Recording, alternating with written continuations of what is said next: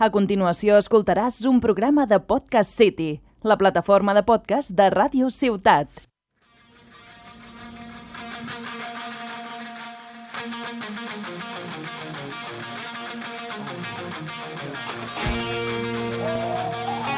Esteu escoltant Tuitaires Tarragonens.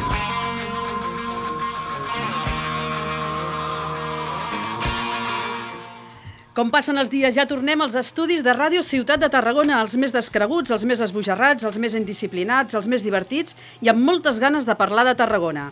Avui amb Joan Boronat, Jorunya, Swing Tic, Joan Rucà, GRD Castells, Vicenç 1966, Fernando Prat i qui us parla, MDB 70. I aquests darrers 30 dies han estat molt més tranquils. No sé si haguéssim aguantat el ritme del mes de gener, però no hem estat pas aturats. Dissabte passat, el dia 15, un grup de nosaltres visitàvem les instal·lacions de Matza per conèixer el cicle de l'aigua a Tarragona. Tot un matí i ens van quedar moltes coses per veure, però amb una idea vam marxar tots plegats. Bebeu aigua de Tarragona amb total tranquil·litat. I què més destaquem d'aquests darrers 30 dies? Els cargols mallorquins que ens cuiden la Gran Muralla, el tancament de les oficines del BBVA a l'Imperial Tàrraco, la mort misteriosa, o no tant, d'un centenar d'ocells a l'autovia de Salou.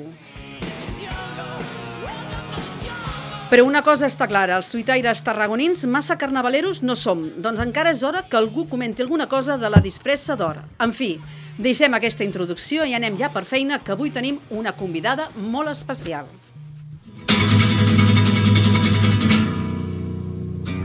Si vol vestir de revista, senyora, busqui'm a Bonavista.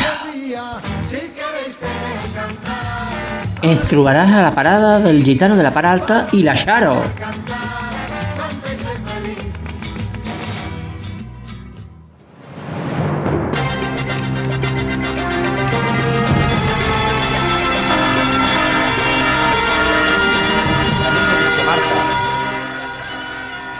Tenim notícia, companys, endavant. Tenim notícia, Marta. He anat al container de la plaça de la Font i m'he trobat un informe secret molt xulo.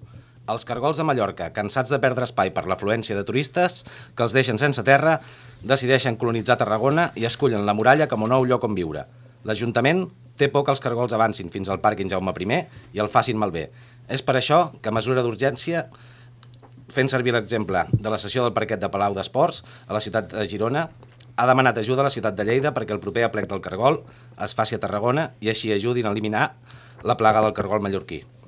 L'altra opció, analitzada, era llançar els cargols a les vies del tren, però es va descartar, ja que a conseqüència de la pèrdua de freqüència de trens existia la possibilitat que els cargols marxessin caminant i fessin malbé la plataforma del Miracle.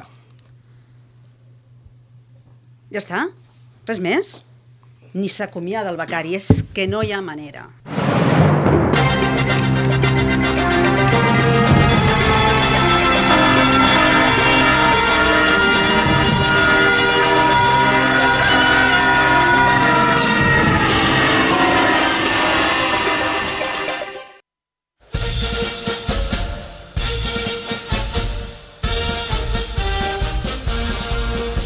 L'APM de Tarragona.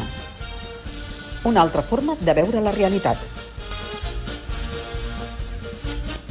Altres programes ho farien millor, però ningú s'atreveix a fer-ho. Avui, especial Júlia Creus, amb un resum de lo bo i millor que hem trobat a les xarxes. Hola, em dic Júlia Creus, sóc actriu. Ah, me, me, me gusta mucho, me gusta mucho. Muy buenas chavales, ¿cómo estáis? Yo muy bien y espero que tú también. Es una juventud sana, dinámica. Esa maldita voz me asustó.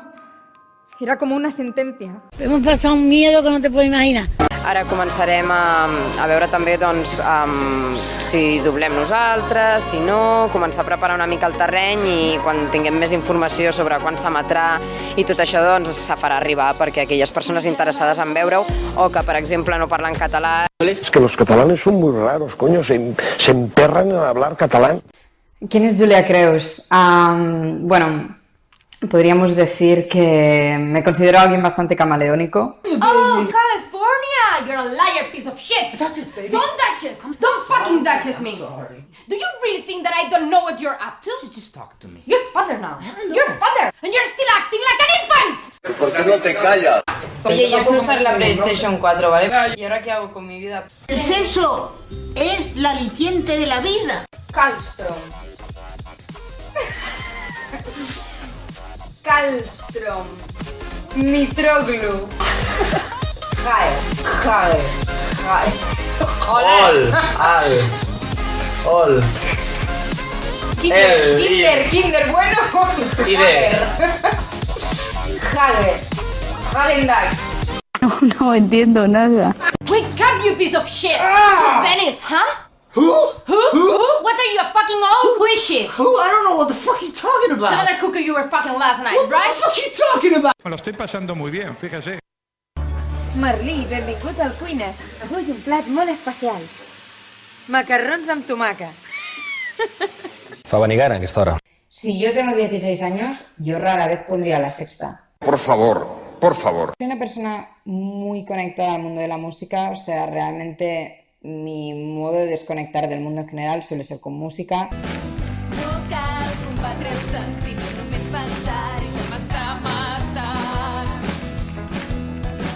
Yo me estoy poniendo perraca.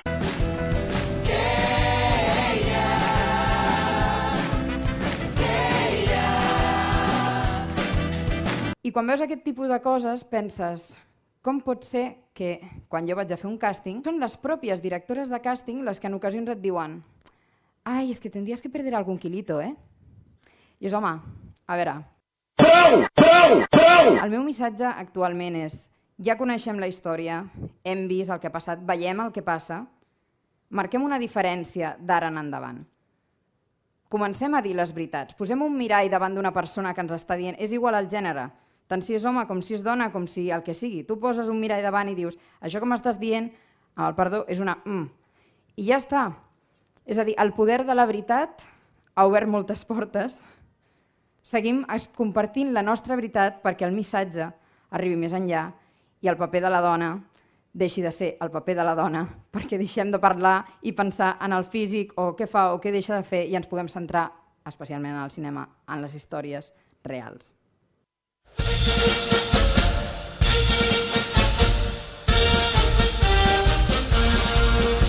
L'APM de Tarragona. Una altra forma de veure la realitat.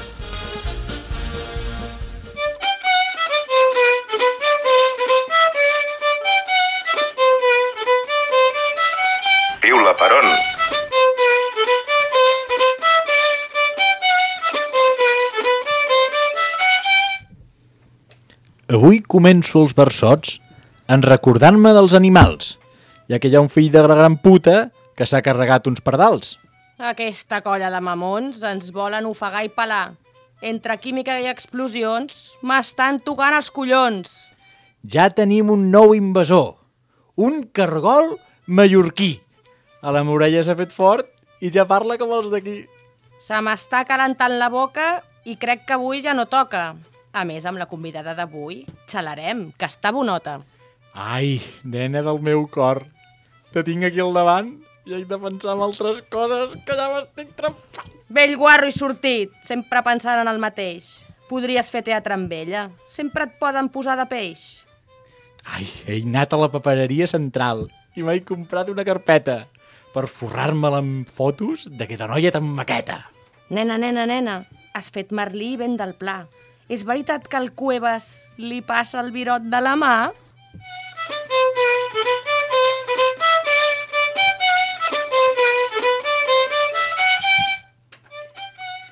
I després de les nostres habituals seccions anem ja doncs, amb la nostra convidada d'avui. Com heu pogut anar escoltant al llarg d'aquests primers minuts de programa, és la Júlia Creus. Hola, Júlia.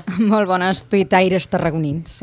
Anem a presentar la Júlia per qui no la conegui. Júlia Creus Garcia va néixer a Tarragona el 14 de febrer de 1994.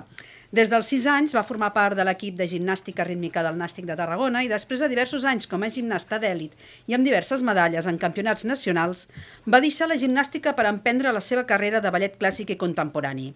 Als 16 anys va començar la seva formació com a actriu a l'Escola Eòlia de Barcelona i en aquell mateix any, el 2009, va debutar en la sèrie Vent del Pla. Des d'aleshores continua amb la seva formació artística, també en l'àmbit del teatre musical, gràcies a la qual el 2013 va interpretar un dels personatges principals en la funció Boig per tu, basat en un dels èxits del grup català Sau i aconseguint un enorme èxit durant dues temporades consecutives al Teatre Bars de Barcelona. L'any 2015 va formar part del repartiment de la sèrie de televisió Merlí, emesa per TV3 i pel canal internacional Netflix, interpretant el personatge de Mònica de Villamore, durant les tres temporades que va durar. La sèrie va suposar un èxit rotund d'audiència entre el públic adolescent a nivell mundial. Va canviar de registre més tard a Boca Nord, una websèrie que ha estat premiada recentment en Londres al millor contingut d'emissió digital. Però no et pensis, Júlia, que t'hem convidat pas com a actriu, sinó com a bona serrallenca. I per això, per començar, anem a fer una mica de test. Uf. Suspesa, ja, no cal que us molesteu. A veure, a l'inici del carrer Trafalgar, ara hi ha una arrosseria. Què hi havia abans? Mira, ara mateix... Una botiga de roba. Vale, no, no, no, no te l'acertaré mai de la vida. No, no, pots dir-ho si vols, eh, pel micro. Si no te l'acertaré m'és igual, no, no quedaré bé. No sóc bon GPS. Doncs la botiga del Rioner, no? que durant, de fet fins no fa masses anys. Bueno, el temps passa molt ràpid i potser sí, no? Però, però ja fa, sí, potser ja fa uns quants anys que, que no hi és, sí. On anaven a comprar els serrallencs i les serrallenques de la teva edat les llaminadures? Això era Cal Maties, no? Molt bé. Això és l'única que sé perquè almenys aquesta l'exercia.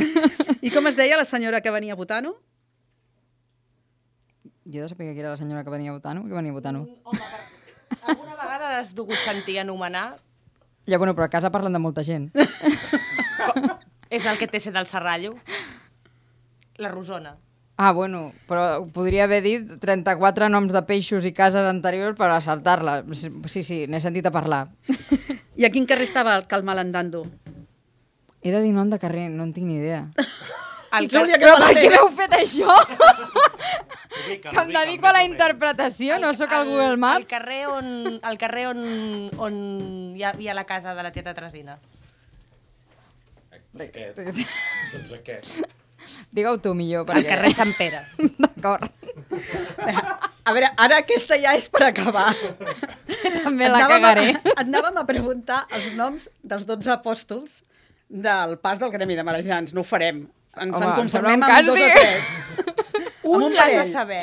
Un l'has de saber. Sant Pere, però que perquè sí. era l'avi... No, no, no, però no, no el nom de, de, no el nom de l'apòstol, sinó, Sinó qui repre- qui- El, la persona del Serrallo que el van agafar com a model per fer... El meu avi, Anton de Refet. Sí, però bueno, no era Sant Pere, era... No era Sant Pere? Qui era, qui era l'altre? I no ho saps ni tu, estàs mirant el mòbil! Sant Però Bartomeu, quina mena de Sant trampa! Bartomeu, Sant Bartomeu. No ho sé, no me n'en I algú altre? Ai, n'hi ha, Jo, n'hi ha més. alguns més, no? Maria Sabater. El Josep Maria, és el que estava pensant jo ara mateix. Judas No sé quin... i Ros de la Guita potser era Sant Pere. Pot ser. M'ho estàs preguntant a mi? I el Vicenç, també. I El Vicenç més? també hi ha... El Joan, algun més? Tenim, tenim, no? tenim la llista, eh? Un dia ho fa... Això és molt tarragonó, no? això ens va, Això és la Tarragonó. és que la, la realitat dels fets és que sempre he sigut una persona com bastant relaxada en general, és a dir, no em quedo amb la informació, no sé què específicament sigui per algo. I a Tarragona mm, hi havia estat molt de petita però era una nena que passava una mica de tot com Serrallo. diu. i després ja vaig marxar molt, molt aviat. No, no, no te les acertaria mai. Bé, doncs deixem aquest test mm, del Serrallo i continuem amb la Júlia. I tenim una trucada? Sí? Bona nit. Bona nit, de on sou? Amb, amb qui parlo, si us plau? Sí, amb el Peter. Peter? Peter què? Sí, Peter, de, del Peter Pan, la pastisseria, que n'heu passat a buscar l'encàrrec. Um, perdoni, eh, però és que aquí estem fent un programa de ràdio, o si més no ho estem intentant, no sé de què m'està parlant vostè. Sí, sí, sí, a mi em van trucar uns tuitaires, em van dir que era l'aniversari d'una mademoiselle, i van encarregar-me un partís per la Julia Creusan. Creus, Creus, Júlia Creus. Doncs miri, en aquests moments eh, el Fer no hi és, deu haver anat cap allà, deu, haver, deu estar a punt d'arribar. Ah, doncs ara l'espero. I escolta, aqu- aquesta Julia Creus que esteu entrevistant és, és política? L'entrevista té miga? No, no, no, no és política, no. És una actriu molt jove, que ha fet molts papers a sèries eh, que tothom ha vist com Vent del Pla o com Merlí. Ah, llavors experiència, eh? No és un veure, mm, deixem-ho aquí, eh? Si li sembla bé. Mm, Alguna cosa més a dir? Mm, Eh, no, no, no, no, no digues, doncs que vinguin ràpid, que, que jo me n'he d'anar a jugar la partida, La, eh? par la partida de què? Home, de mus. Mare meva, però quines coses que ens passen.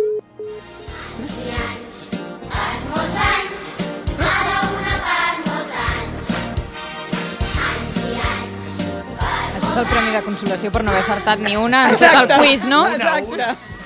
Una, mira, una. Ah, mira, veus?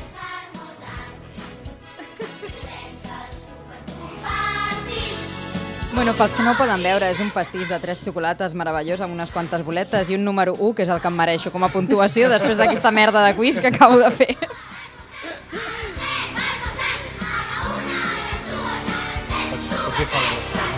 Pots demanar un desig, si vols, que arreglin el en Jaume I o... Bé, ha estat amb aquesta petita broma no, la nostra forma de felicitar la Júlia que, que fa molt poquets dies doncs, va celebrar el seu aniversari. Moltíssimes gràcies.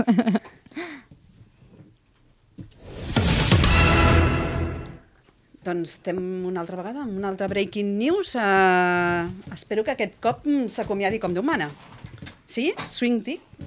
Bona nit, Marta. Estic ara mateix a la Universitat Laboral i he vist això dels estornells morts i no me n'he pogut estar de buscar informació i tinc dues fonts molt bones. Una, l'Ajuntament de Tarragona. L'altra, un senyor gran de la Rambla. Tenim la gravació d'Espimsa. Des de l'Ajuntament volem saber què ha passat i, si és possible, aplicar-ho a la població de coloms de la zona del mercat per reduir la mitjana de coloms a un per tarragoní. És que ja no sabem què fer, però prometem treballar, seguir treballant per reduir sempre des del respecte a la vida animalista eh, la població de coloms. També tenim un veí de Tarragona, el senyor Fly. Bona tarda, senyor Fly. Què en pensa del que ha dit l'Ajuntament i per què està tan content? Mira, l'Ajuntament me la sua. Tots prometen i cap compleix. Ja n'estic fi al collón de l'estornino aquest tu. Visca la Rambla i tinc que aguantar tot el dia el soroll dels altaveu del collon va, va, va, per tal de fer-lo fora. No sé si ha sigut un camió, la química, un cable elèctric, eh? però espero que em deixin agitar-me una mica, collons, que això és un sin vivir, joder. Moltes gràcies, senyor Fly.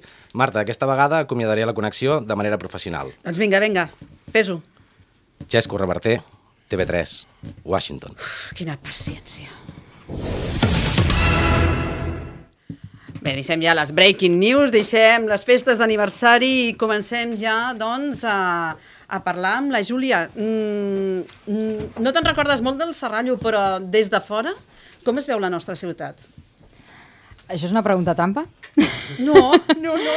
No, Tarragona és una ciutat, jo sempre ho he dit, de la que em sento molt orgullosa. Té una memòria històrica fantàstica. Eh, de fet, justament vaig tindre l'oportunitat de portar la meva pare- parella fa poc, que no havia tingut mai la visita guiada que li vaig fer. I és un, és un orgull, no?, perquè realment poques ciutats tenen la memòria històrica que la nostra té amb, amb tots aquests anys.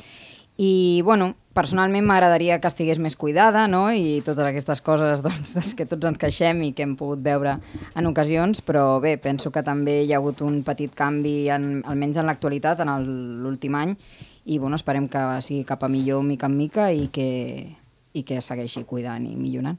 N'hem fet referència abans de- d'alguns de, dels problemes que han hagut en les últimes setmanes, en, en concret, per exemple, l'accident a la petroquímica de, de mitjans Mhm. del mes de, de gener, i en aquell moment es va parlar molt de que des de fora es tenia una visió de Tarragona només de quan hi havia catàstrofes o problemes. Tu creus el mateix? Que només eh, ens venen a, a veure o a buscar quan hi ha un problema?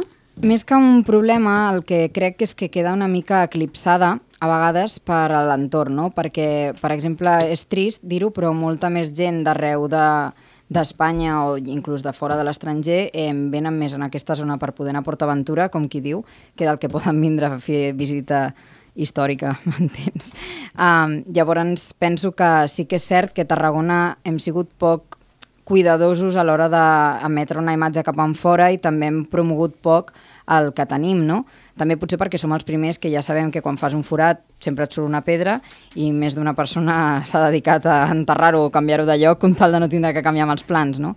És així, per part positiva i per part negativa, però bé, s'hauria d'explotar una, mica, una mica més com perquè la gent també sentís la curiositat de vindre aquí com no a veure, sé que és una mica hipòcrita comparar-ho amb una Roma, m'entens? Però és que realment té una història darrere i és una de les ciutats que podria oferir moltes coses, a banda de eh, cultura gastronòmica, eh, té una oferta infinita de coses a fer també als voltants en els que no et requereixen desplaçar-te gaire més enllà de 20 minuts i tens Port Aventura a prop, m'entens? Però sí que és cert que, que a vegades queda una mica eclipsat per l'entorn, per la petroquímica, bueno, per les petroquímiques o les indústries i poc més, no?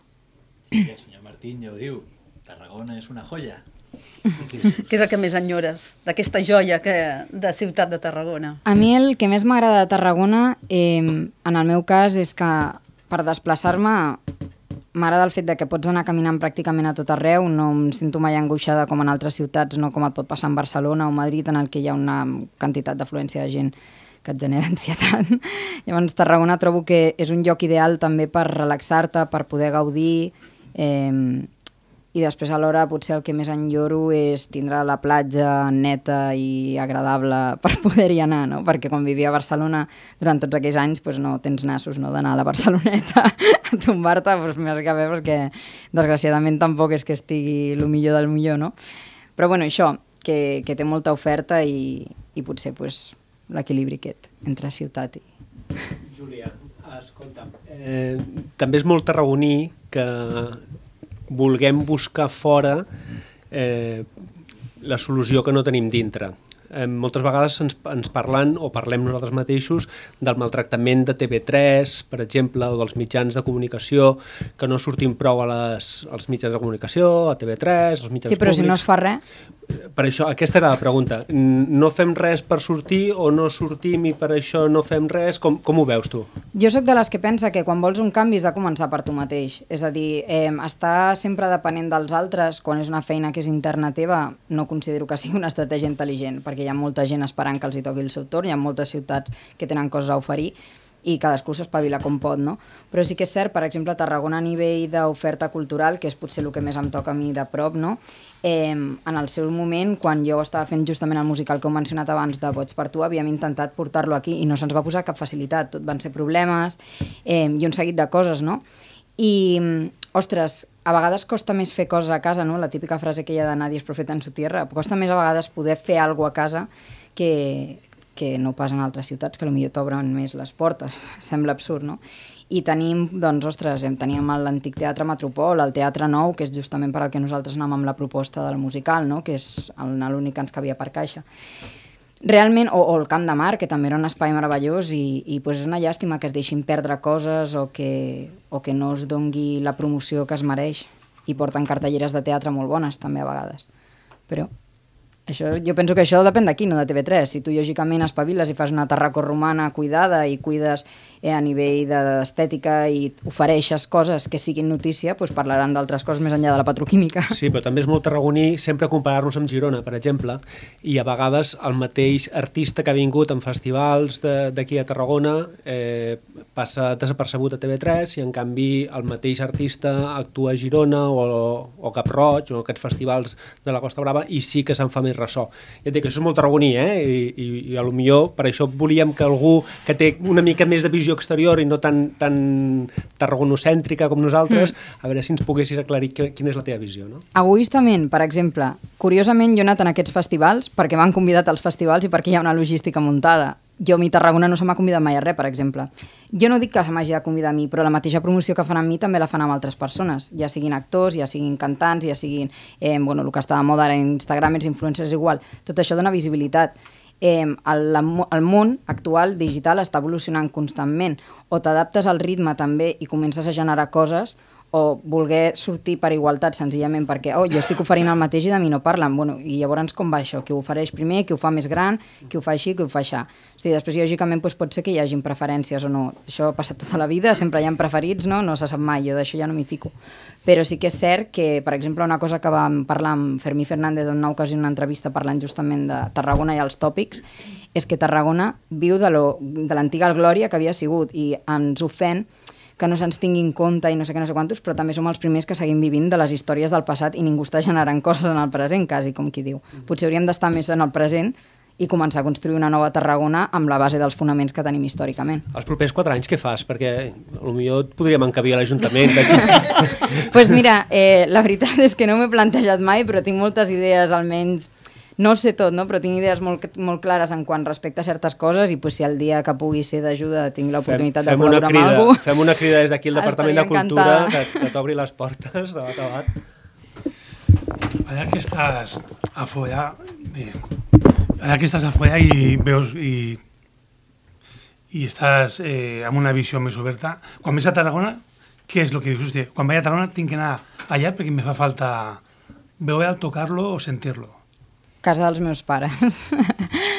però perquè, bueno, casa dels meus avis de, és on he crescut tota la vida i és una zona, doncs, com per boscos de Tarragona allí, al voltant, i la veritat que la tranquil·litat de poder obrir la porta i tindre davant un bosc, que no tens ni una casa ni res, i poder sortir a córrer o prendre l'aire o passejar, eh, tot i que senti l'autopista o l'autovia al costat, eh, és, és una cosa que ho relaciono amb casa i això pues, en pocs llocs ho pots tindre, no? Eh, Tarragona té aquesta màgia que deia jo, no? de tindre un nucli urbà molt cèntric que et pots desplaçar perfectament caminant, que té una història de més i alhora en tens platja i alhora tens camp, o sigui, és el que, el que més m'agrada.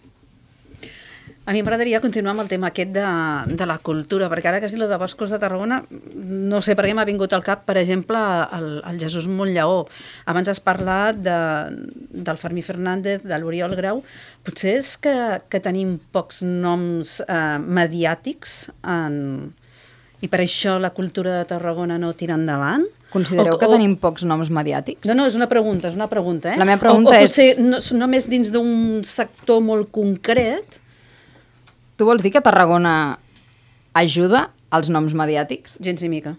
Llavors, hi ha, molt, hi ha molta gent que és d'aquí de la zona que no en tens ni idea perquè mai se'ls ha tingut en compte. Jo duia tres temporades de Merlí i no havia sortit mai en res més enllà del diari de Tarragona i de més, i lògicament que a més tenim una relació bastant propera per part del meu pare, que ja havia sigut treballador, però per part de l'Ajuntament, per exemple, anterior, jo mai de la vida se m'havia tingut en compte per res. O sigui, els Pilars Caminant va ser una cosa del Serrallo, per exemple, que pues, també tinc una història més d'on hi he crescut des de petita, però la notícia va sortir una vegada, un tuit, diguérem, una notícia així petitona en l'Ajuntament que va posar eh, la tarraconense Júlia Creus eh, fa la sèrie Merlí, però ja duia tres temporades eh, al final de tot i va ser com un titular que va ser com, bueno, pues els que ho hagin de saber ja ho saben. La resta...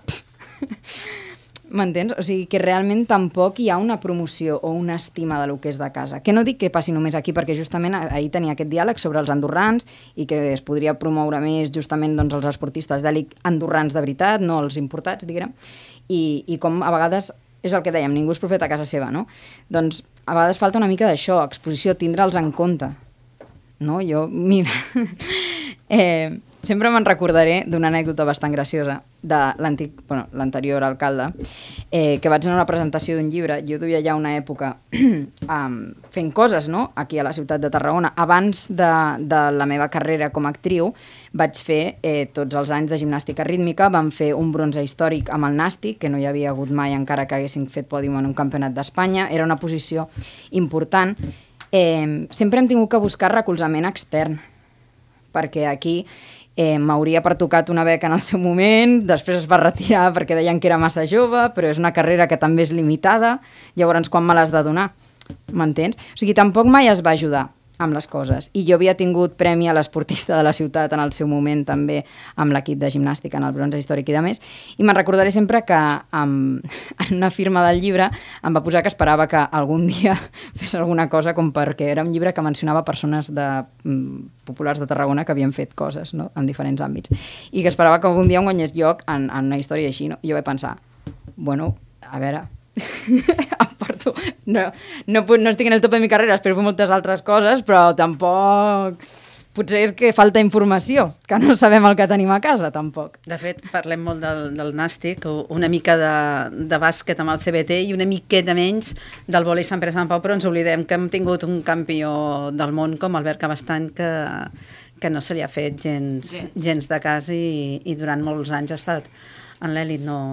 No sé si serà per culpa de ser tarragoní i que no tenim en compte a la nostra gent o potser perquè sou representants de- d'esports de, minoritaris. Aquí suposo que s'afegeixen les quan, dues coses. quan diem a més tarragoní, ja no, no només de la ciutat de Tarragona, però per exemple a Baix tens Maru i de Molins, jo mai l'he vist a fer pràcticament res, tampoc se l'ha tingut mai gaire en compte. O la Ida Folk, que a més és també molt amiga meva i ha sigut d'aquí. Hosti, hi han coses que, o actrius que porten molts, molts anys en, en el panorama musical, en, en grans musicals, grans produccions com és la Neus Pàmies, tampoc se'n sent a parlar. és a dir, que realment jo penso que és que no és que faltin cares i noms i gent que estigui fent les coses bé, el que falta és recolzament i una mica d'exposició i sentir-nos orgullosos del que tenim. Déu-n'hi-do. Mm, abans a la introducció he dit que... Deixem una mica de Tarragona, eh? anem a la, a la teva carrera. He dit que, que feia pocs mesos havies rebut un Ondas per una websèrie. Mhm. Els continguts eh, digitals són el futur de, de la vostra professió? Són el present.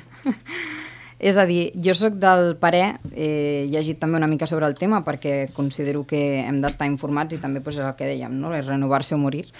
Però certament um, les generacions presents, ja no només les que estan creixent, no es parlo dels meus nebots, ja nosaltres, tots els que estem aquí presents, probablement ja ningú s'espera un dimecres a les 10 i mitja de la nit per programar un gravador o per mirar un programa que saps que a més et faran 6 minuts d'anuncis cada dos per tres i quan faltin 3 segons pel final, la frase final també et faran un tall d'anuncis i l'endemà no valdràs per res, per aixecar-te. Ningú fa això, tothom el que vol és consumir-ho a les plataformes digitals en el moment que vol i en el temps que vol i parar-ho quan li doni la gana. Per la qual cosa, una societat que té tanta pressa i que vol al ara no està per canals, vol contingut digital, vol que si poso una cosa i no m'agrada passar la següent, o que si m'agrada molt la vull veure sencera, al meu ritme. Llavors, de moment, la televisió penso que encara aguanta en el format que té actualment perquè les generacions, doncs, dels que són els nostres avis i que no poden manejar-se, diguem, tan hàbilment amb aquestes noves plataformes, doncs encara existeixen amb això, no? Però el dia de demà jo penso que té una època caduca o haurà d'evolucionar cap a una altra direcció.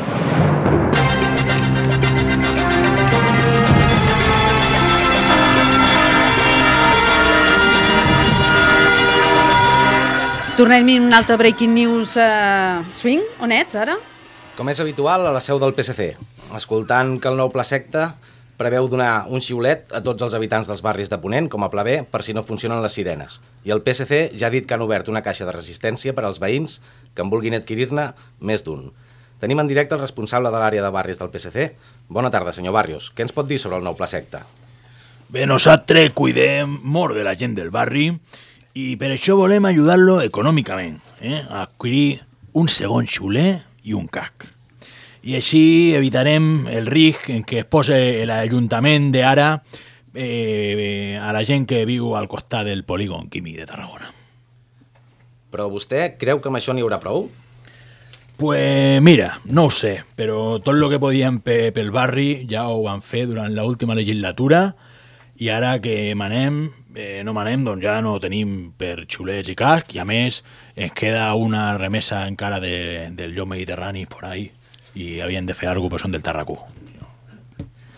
Moltes gràcies, senyor Barrios. Ara sí, Swing Tic, tuitaires tarragonins, seu del PSC.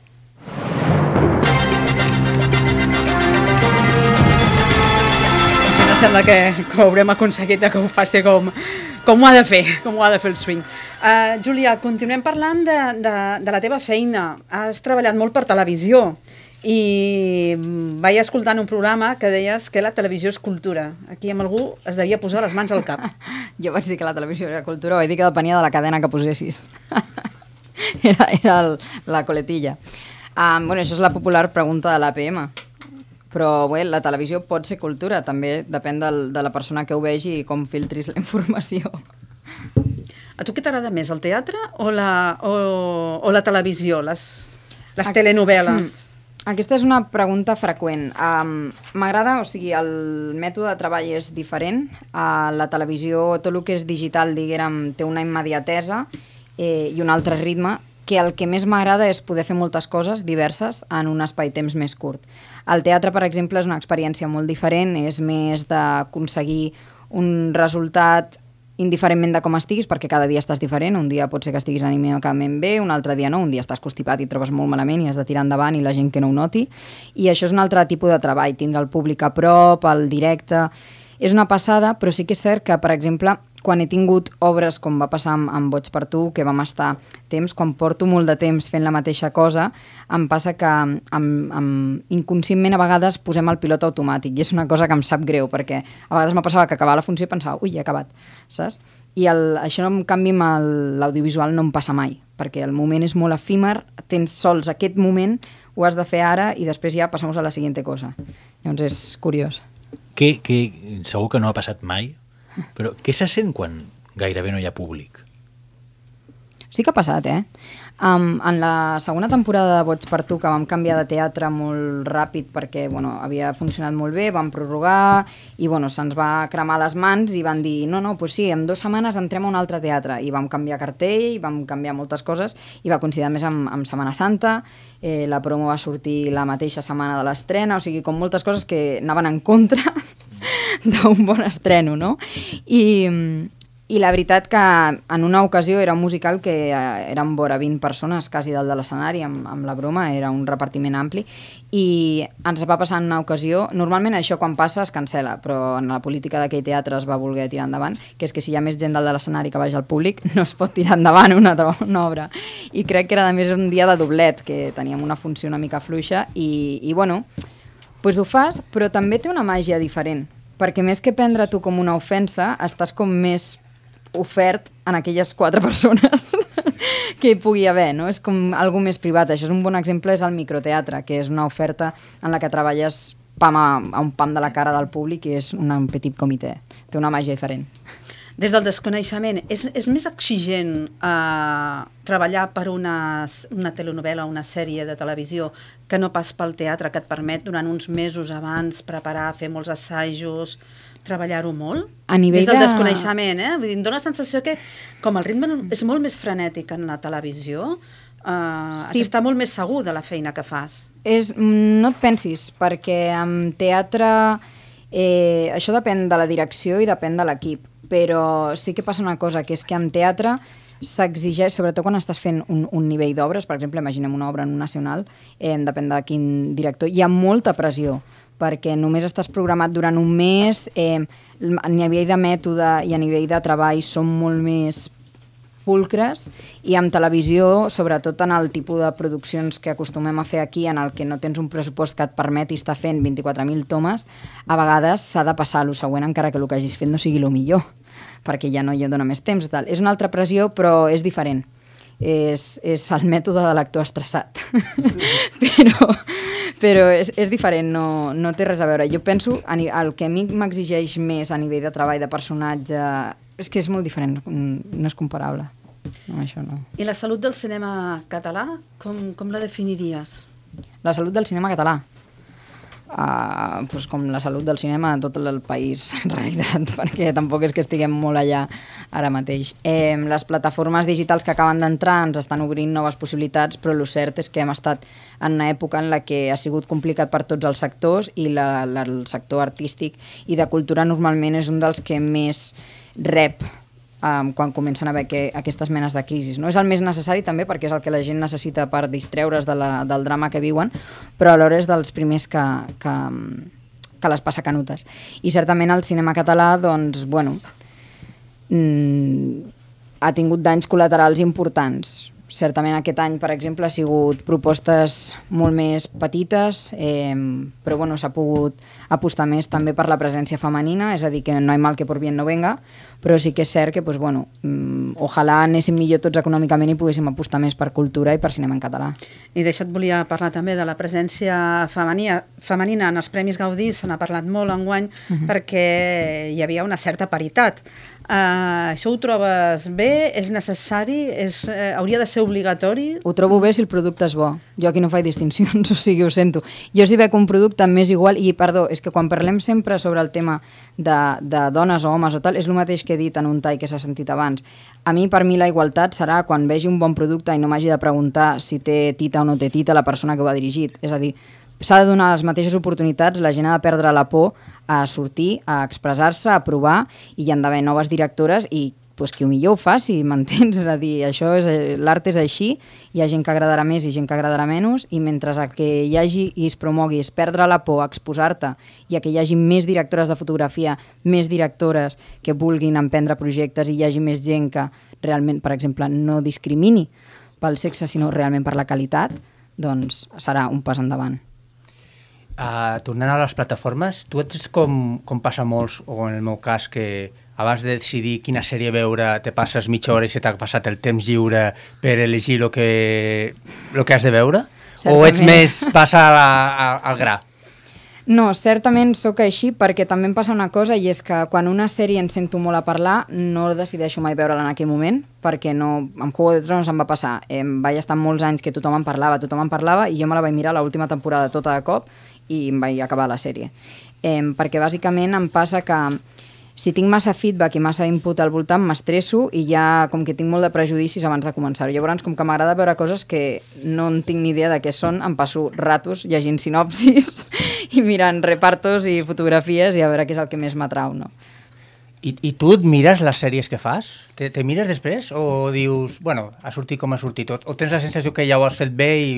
i Mirar-m'ho per gaudir-ho, no. És a dir, en plan, m'ho poso com per distreure'm, no, perquè no em distreu mai. o, o, o per veure si estàs contenta de la feina que has fet? Això ho acostumo a repassar molt a Combo, és a dir, a Combo és en el moment en el que ho gravo, sóc bastant pesada amb el fet d'anar a preguntar... Eh, de fet, amb l'Helena Trapé, quan estàvem fent Boca Norte, va haver un dia que jo no estava gens segura del que estava fent i ja va haver un moment que quan li havia preguntat 20 vegades però estàs segura? M'ha dit, si no estigués segura t'ho hauria dit. I va pensar, vale, me callo.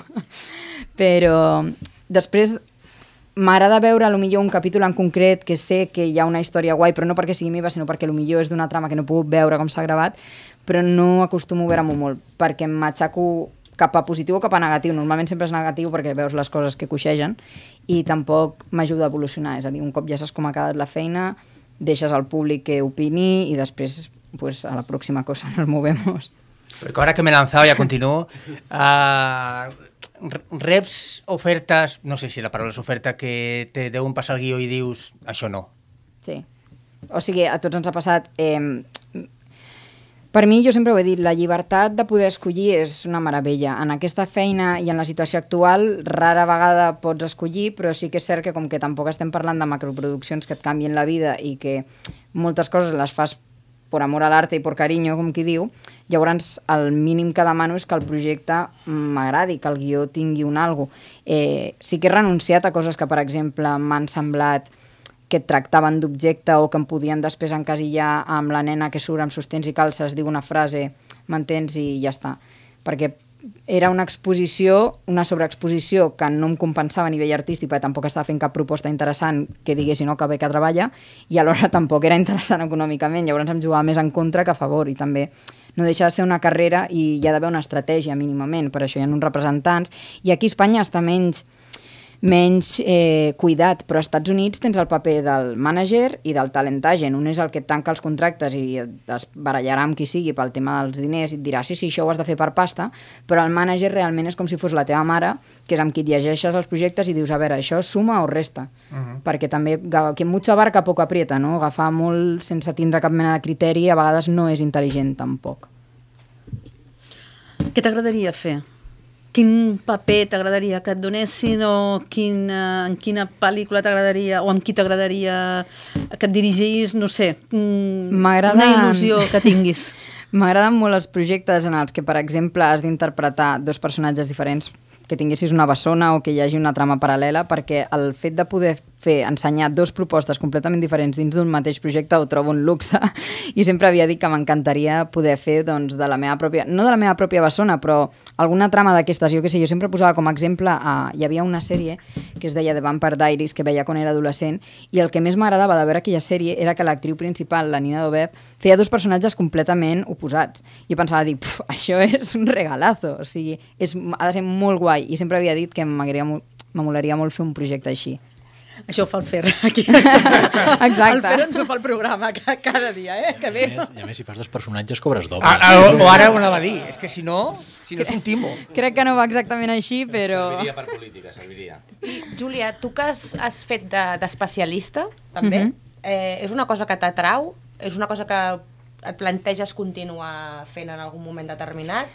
Um, per mi els especialistes mereixen tot el respecte del món, he estat treballant amb ells. Eh, és molt divertit, m'ho vaig passar molt bé i em van protegir molt, però també et dic que s'ha de tindre un punt de bogeria, que jo no el tinc, i que sincerament, si em deien t'has de tirar per aquí, jo preguntava, quan em pagues quan arribi baix? I llavors em deien tant i deia, vale, i intentava tirar-me sense matar-me per poder-ho cobrar.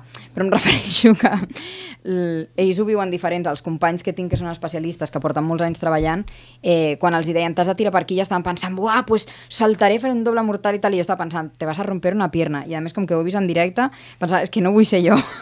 jo el fet de prendre mal em feia molt de respecte. Llavors ho vaig disfrutar molt, va ser una experiència molt guai, i per exemple sí que és cert que eh, m'agrada fer stunts petitons, no? doncs, mm, lluites de contacte, petites caigudes i coses així, és molt guai, però sí que és cert que assumir riscos com per exemple l'atropello, que ja vaig fer amb tres bodes de mas, doncs ja vaig fer una vegada, va ser l'experiència, però no, no diré mai, però bueno, Bueno, no tinc tantes ganes de ser atropellada gaire més. t'ha atropellat la Imma Cuesta. No, no era ella, no es va Ah, era atrevir. ella, era no es va seva- atrevir. era la seva doble. Sí, va ser l'Ester, una amiga meva que va atropar, es va oferir a atropellar-me gustosament. Almenys ara ja saps fotre piperots. Bé. Sí, sí, això sí.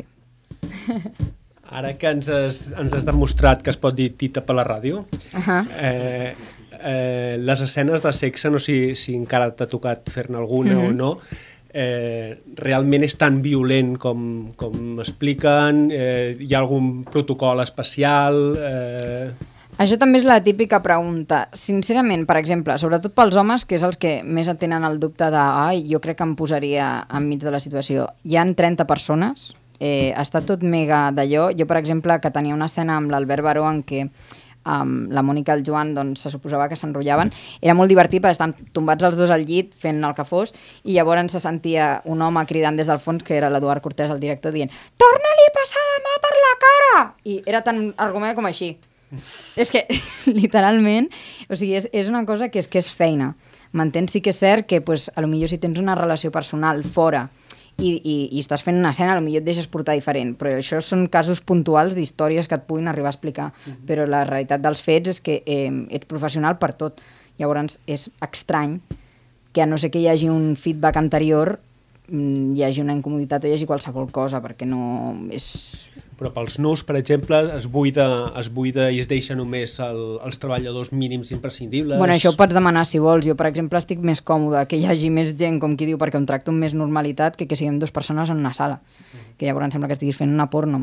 I m'ha passat. Jo, per exemple, el vídeo eh, del nu de la Mònica, eh, érem només el segon director i jo, i jo li vaig dir, vaig a posar música o alguna cosa, perquè és que...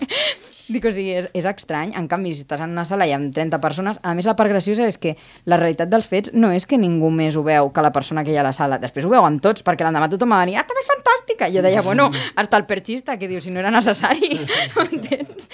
És a dir, que la realitat dels fets no és una altra. A mi no, no m'incomoda, sempre he, tingut, he treballat amb equips molt professionals, et sents molt còmode, i per mi el més important és generar unes relacions, uns vincles, doncs això de professionalitat i respecte cara al company. Jo la última que tinc que fer és eh, recomana'ns una sèrie on has sortit tu i per què, i recomana'ns una sèrie d'aquestes que tu ja has passat mitja hora per, per veure-la i així jo no passaré mitja hora buscant quina sinopsis és interessant. Em peta el cap. Mira, mm, és un gènere bastant peculiar perquè no sé si agrada a tothom, però aquesta la dic perquè em va sorprendre mm, estranyament rara però guai.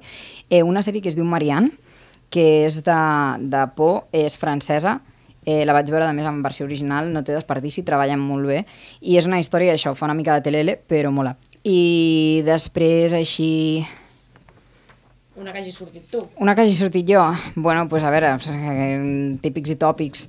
Eh, pues la primera temporada de Marley és la que més recomano, després la segona i després ja, bueno, la tercera, pues si volen. A més, així les veuràs per ordre. Eh?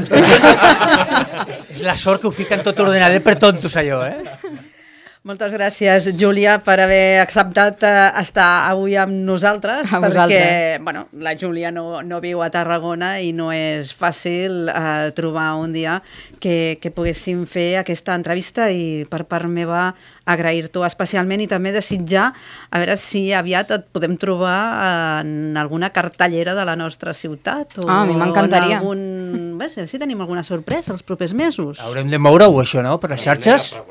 Estic disponible. O pregu de pregonera, com ho veus? De pre no, Ja, he sigut pregonera, però es va anticipar Salou. A Tarragona tampoc trucava. no, però l'any passat ho vam moure així. Ho vam aconseguir. Vull dir que... Bueno, després parlem a veure quants dineros hi ha per en medi i vinga. Rico Mas.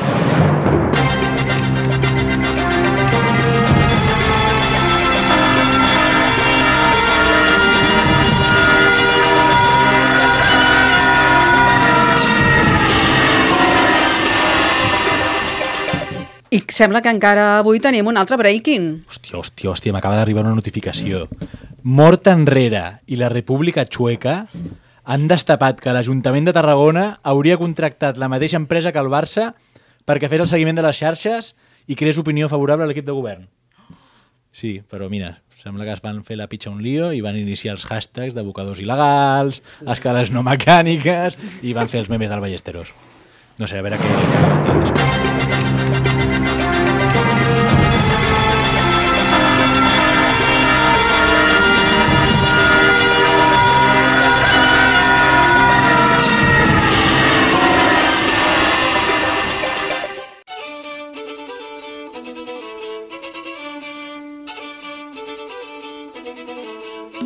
El catacric catacrac.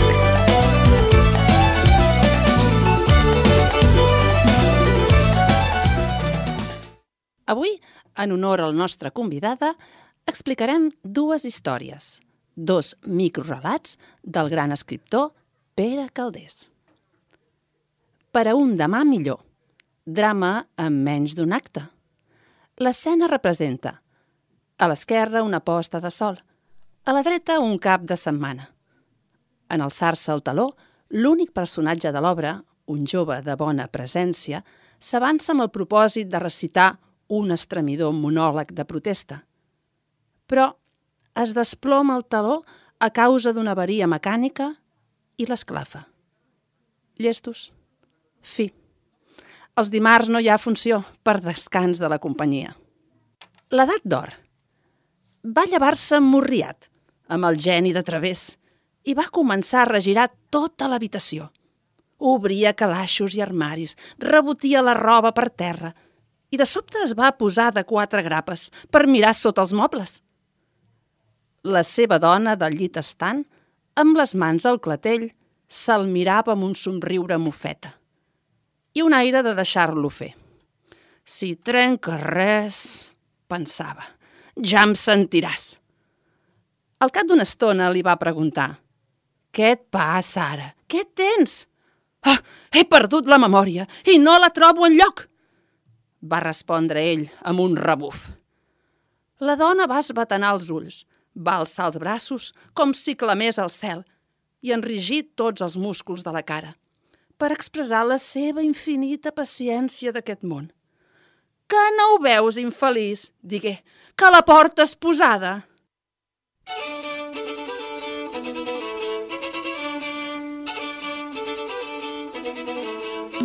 El catacric catacrac.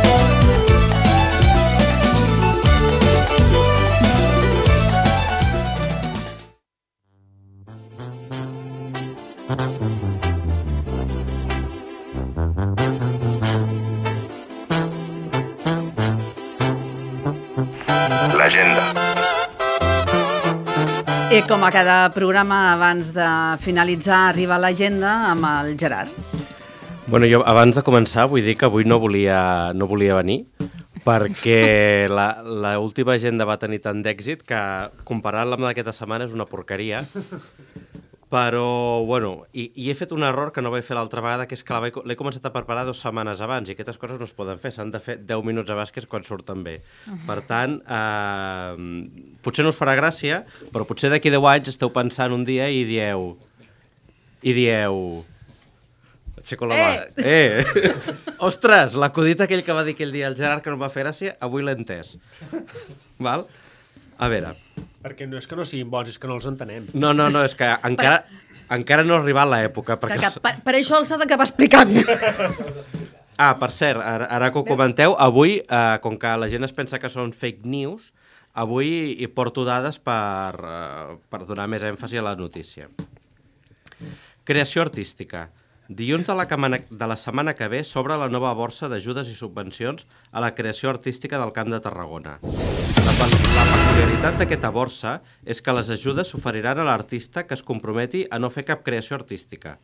L'artista ha queixat del neguit irrefrenable de crear per a deixar un llegat per a la humanitat o simplement per aportar son fill a dir-li mira què ha fet el pare, és a dir, seria la versió local de El aeropuerto de l'abuelo, però en aquest cas amb una escultura o un llibre, eh, pot presentar la seva proposta d'obra que vol realitzar. Aquesta subvenció té una peculiaritat, i és que es donarà a qui es comprometi a no realitzar-la. La consellera de Cultura del RAM, sempre he volgut utilitzar aquesta paraula que diuen a TV3, i pues, pues, la consellera de Cultura del RAM, parlo de la Generalitat, eh, no de l'Ajuntament, ha manifestat que, tot i que en té la necessitat creadora de la nostra època, és cert que hi ha un excés de creacions artístiques que el mercat no pot absorbir al mateix ritme que s'obren nous espais culturals que ningú visita. Com a dada, l'IDESCAT ha publicat aquesta setmana passada que actualment ja s'obren més museus, més museus que nens neixen a Catalunya que els puguin visitar.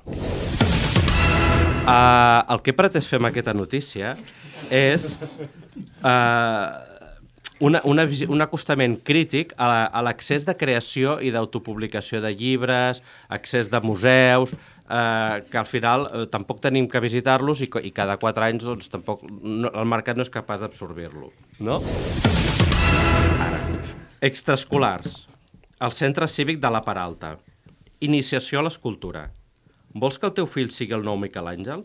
Vols impressionar els pares que apunten simplement els fills a dansa?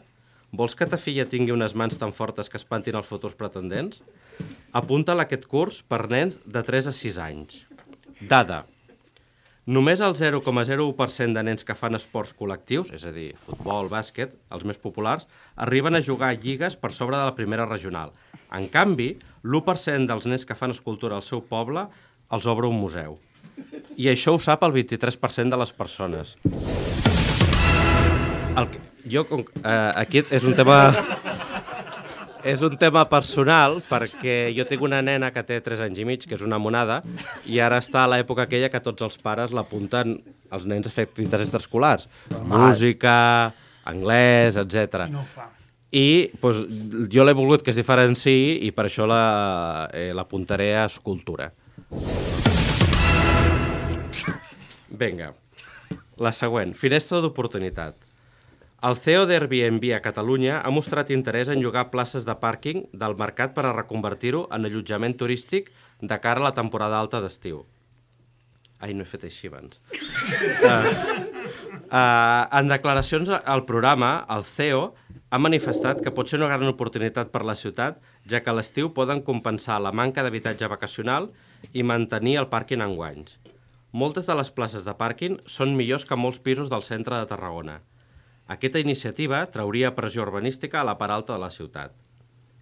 Com a dada, per complementar la notícia, eh, actualment el 80% dels votants de la CUP són joves que viuen a la part alta de Tarragona i que es veuen amenaçats a ser expulsats del barri per l'especulació urbanística i la gentrificació.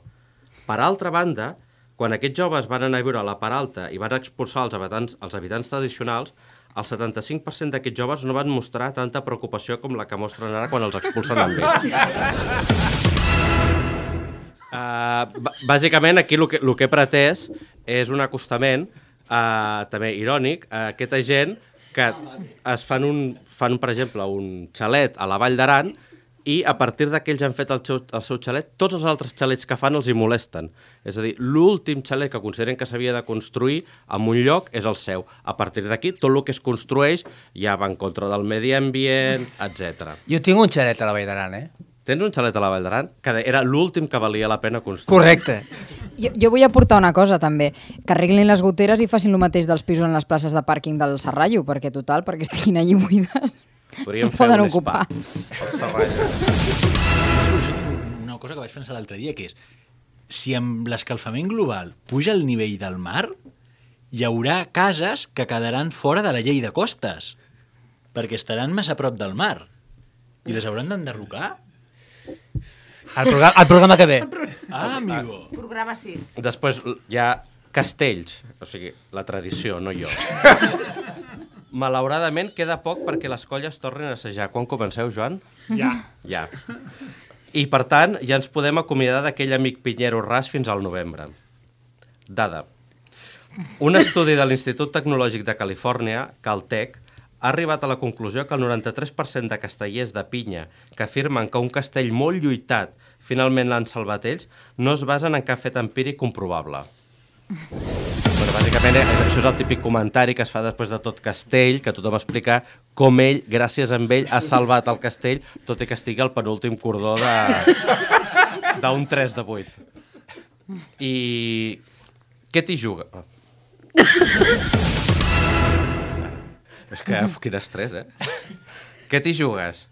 A partir de, de dilluns, la casa d'apostes Bet Win permetrà apostar sobre quin creieu que serà el proper negoci del centre de Tarragona que, que tancarà. Bueno, aquesta no m'ha donat temps a buscar, a buscar dades, però simplement és mostrar la preocupació cap a la degradació que està patint el centre de les nostres ciutats i d'altres ciutats de, de l'entorn. Moltes gràcies, Gerard. Una, una secció que es va ampliant cada dia. Ara tenim l'agenda, a més a més dels comentaris del Gerard, amb unes dades, a veure amb què, amb què ens sortirà en el, en, el proper, en el proper programa. Se'ns acaba el temps i ho hem de deixar aquí. Moltes gràcies a tothom per escoltar-nos i us animem a seguir-ho fent, a veure si aconseguim pujar algun lloc més al rànquing que nos van pisando los talones las señoras de los 50. Las mujeres, eh? sí. Les mujeres de, la, de los 50 els tenim, a, els tenim a sobre, per tant, moltes gràcies a tots i vinga, escolteu molt el nostre programa. Gràcies. I Ràdio Ciutat de Tarragona.